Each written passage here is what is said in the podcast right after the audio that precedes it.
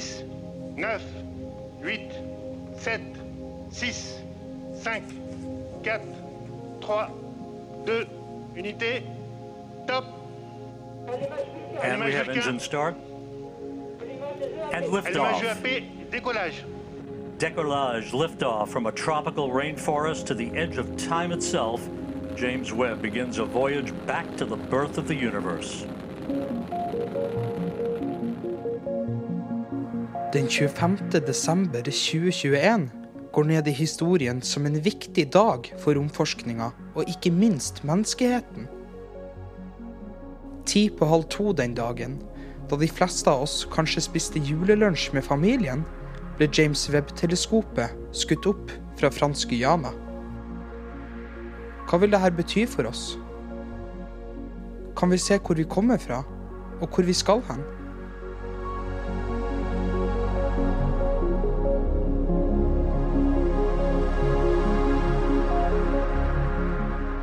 Du hører på James Webb, en podkast laga av Trond Odin Johansen. Det var eh, fascinerende å se hvor mye mer man så, egentlig, enn eh, med, med Hubble-teleskopet. Altså, når jeg så på de første bildene, så var det jo først og fremst ett som eh, jeg kikket mest på, og det var jo det bildet som ble frigjort først, faktisk. Det forteller Håkon Dahl. Han er forsker på Institutt for teoretisk astrofysikk ved Universitetet i Oslo. Det bildet han snakker om her, ble vist på en pressekonferanse i Det hvite hus den 11. juli. Det er et såkalt veldig dypt bilde, altså man, man har eksponert da veldig lenge, eh, til sammen i tolv timer i en retning. Eh, og da prøvd å se utover, ut av vår galakse, og, og prøvd å se eh, om man kan se lenger ut. Eh, og se Ikke bare se lenger ut og se fjernere galakser, men også se mer detaljer i eh, galakser som ligger da kanskje ja, hvor lyset har vært underveis i ti milliarder år. Altså eh, galakser som vi tidligere har kunnet observere men med Hubble-teleskopet, men nå kan se mye tydeligere med James Webb-teleskopet. Og det var vel si, Det, det jeg syns, var jo at uh, dette var ja, ganske slående uh, og veldig oppmuntrende å se hvor mye bedre det var enn uh, en de tidligere dataene fra Hubble-teleskopet. Hva er det vi kan bruke det her vidunderteleskopet til? Det er jo ikke et instrument som er laget for å svare på ett enkelt spørsmål, eller gjøre én type måling, eller studere én type fenomen eller astronomisk objekt. Det er jo et generelt verktøy, egentlig, for å studere alt som foregår ute i verdensrommet. Så det er alt fra planeter og måner og asteroider i vårt eget solsystem, som kan være ganske nær jorda, eh, og helt ut til de fjerneste galaksene. Så du har liksom eh, i løpet av ja, det vi håper vil være en levetid på i hvert fall 20 år, så vil det jo bli gjennomført uh, tusenvis av prosjekter som vil- svare på mange, mange forskjellige spørsmål om uh, universet. Håkon forteller at vi kan dele inn hva vi kan studere med James Webb-teleskopet i fire hovedområder. Det første er å studere de tidligste stjernene og galaksene. Det andre er å studere hvordan galaksene har utvikla seg fra starten og fram til i dag. Hvordan har de endra seg gjennom tidene? Og så er det hvordan danne stjerner og planetsystemer. At man kan studere områder i vår egen galakse, ganske nær oss, hvor det i dag dannes nye stjerner og planeter, og, og forstå hvordan dette foregår. Også det siste er dette å studere planetsystemer som er ferdig dannet. Altså planetsystemet rundt andre stjerner, men også vårt eget solsystem, for så vidt. Det er også eh, noe man, man allerede har begynt å gjøre. Se på planeter og måner i vårt eget solsystem, men, men jeg skal også da studere planeter rundt andre stjerner. I, eh, må vi prøve å studere atmosfæren til disse planetene. Se hva slags uh, atomer og molekyler, hva slags uh, kjemisk sammensetning disse, uh, atmosfærene har. Og man har jo en drøm om å kunne se de første tegnene på biologisk aktivitet på andre planeter. Men om man klarer det, det er litt usikkert. Altså, det kommer jo rett og slett an på hvor vanlig liv er der ute, rett og slett.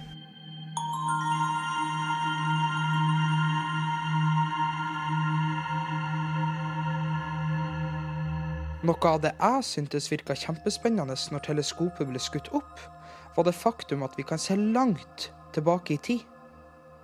Er det sånn at vi kan se tilbake til begynnelsen? kan si Det kommer litt an på hva man mener med begynnelsen. Altså, Vi tror jo at uh, de første galaksene ble dannet uh, et par hundre, 1-200 millioner år etter uh, Big Bang. Før si de første stjernene ble tent, så var det jo bare en uh, slags uh, suppe av gass som, uh, som, var før det, og ikke noe som sendte ut synlig stråling, altså lys. Så på det tidspunktet så var jo universet ganske mørkt. Altså det, det, er en epoke som vi ofte kaller for the dark ages, eller mørke tidsalder i universets historie. Vi håper å kunne se tilbake til den tiden da de første galaksene ble dannet. Og da er det altså snakk om eh, 100-200 millioner år etter Big Bang. Og det er vesentlig tidligere. altså Med teleskopene vi har hatt da fram til nå, så har vi kunnet se tilbake til da universet var ca. 500 millioner år gammelt. Eh, og de galaksene vi ser da, det er jo da tydelig at, at de har blitt dannet eh, noen hundre millioner år i forveien før vi, det, det, tidspunktet vi ser dem på. Når det gjelder det å se stjerner da, galakser, så ser vi jo da eh, Forhåpentligvis så vil vi klare å se tilbake til den epoken da, da dette ble dannet, da, eh, galaksene.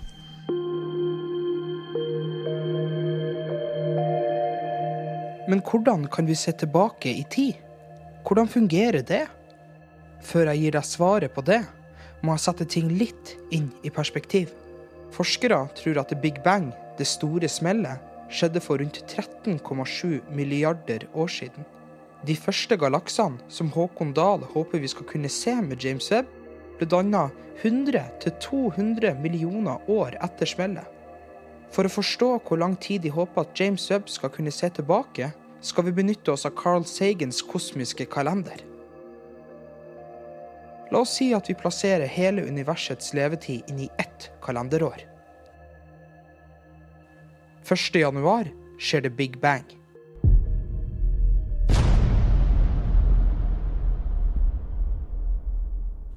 januar dannes de første galaksene.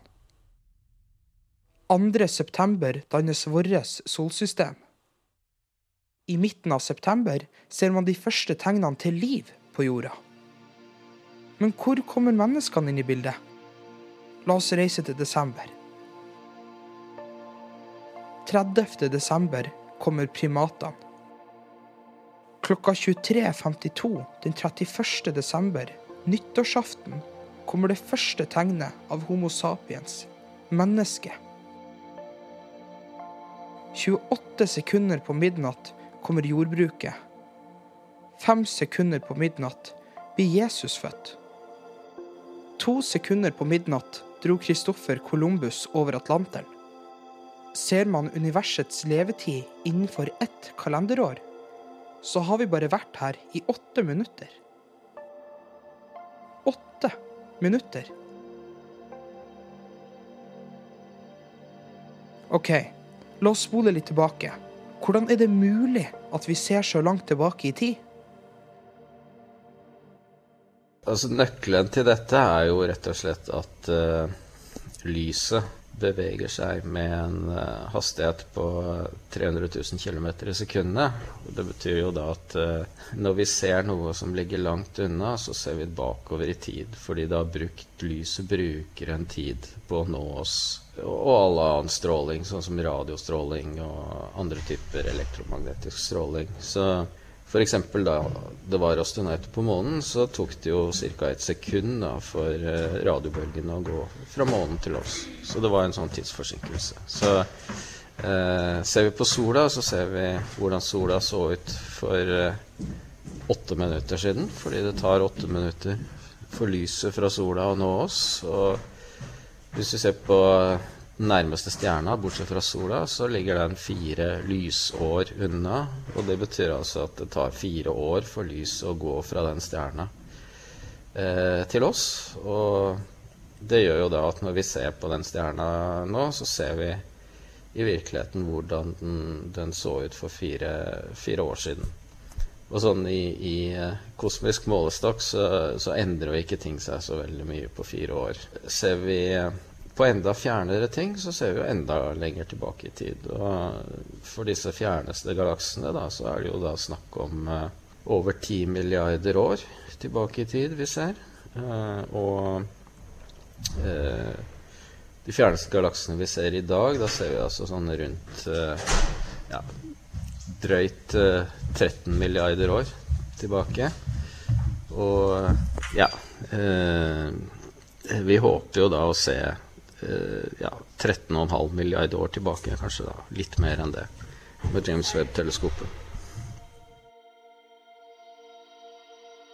Bare for å understreke hvor store avstander det her er, så vil jeg at du skal huske tilbake til barneskolen. Husker du at når dere hadde undervisning om verdensrommet, så gikk dere ut på fotballbanen for å bygge et miniatyrsolsystem? Man tok med seg forskjellige ting som en appelsin, en ert og en knappenål, målte opp fotballbanen og plasserte dem på riktig sted. Da forsto man fort hvor gigantisk vårt solsystem er. Som Håkon Dahl sa, så tar det fire år før lyset fra solsystemets nærmeste stjerne å nå oss. Høres kanskje lite ut? Se for deg at du står på Pluto. Om sola plutselig bare skulle forsvinne, så ville det tatt fem og en halv time før du ville sett det på Pluto? Jeg gjentar hvor langt tilbake James Webb forhåpentligvis kan se. 13,5 milliarder år.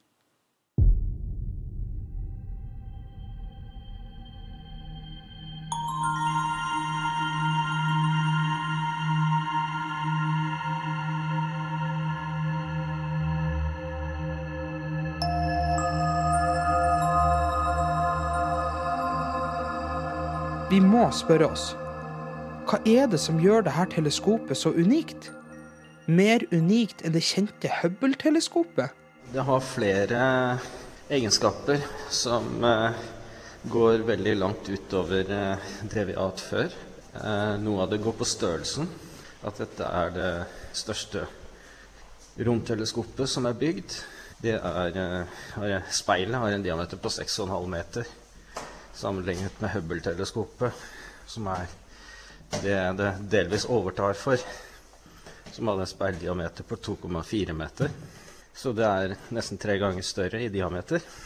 Og så er det følsomt for bølgelengder som er eh, litt lengre enn Hubble-teleskopet. Så Hubble-teleskopet observerte synlig lys og litt ut i det ultrafiolette og litt ut i det infrarøde området. Mens uh, James Webb-teleskopet observerer mest infrarødt lys. Og ganske langt ut i det infrarøde området. Eh, I tillegg så har det fire instrumenter om bord som kan gjøre ting som vi ikke før har gjort i verdensrommet. Mange forskjellige typer observasjoner som ikke var mulig tidligere. Universet er uendelig og overgår det vi kan tenke oss. Kanskje James Webb som ligger 1,5 millioner kilometer unna jorda, omtrent fem ganger lenger unna enn månen, kan gi oss enda mer forståelse for det uendelige. Vårt hjem.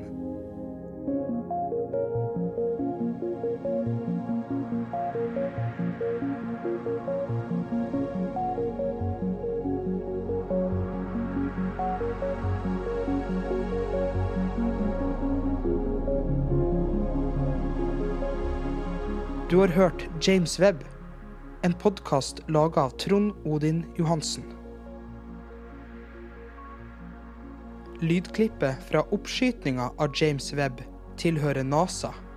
USAs sentraladministrasjon for sivil flyteknisk forskning og romvirksomhet. Takk til Håkon Dahl.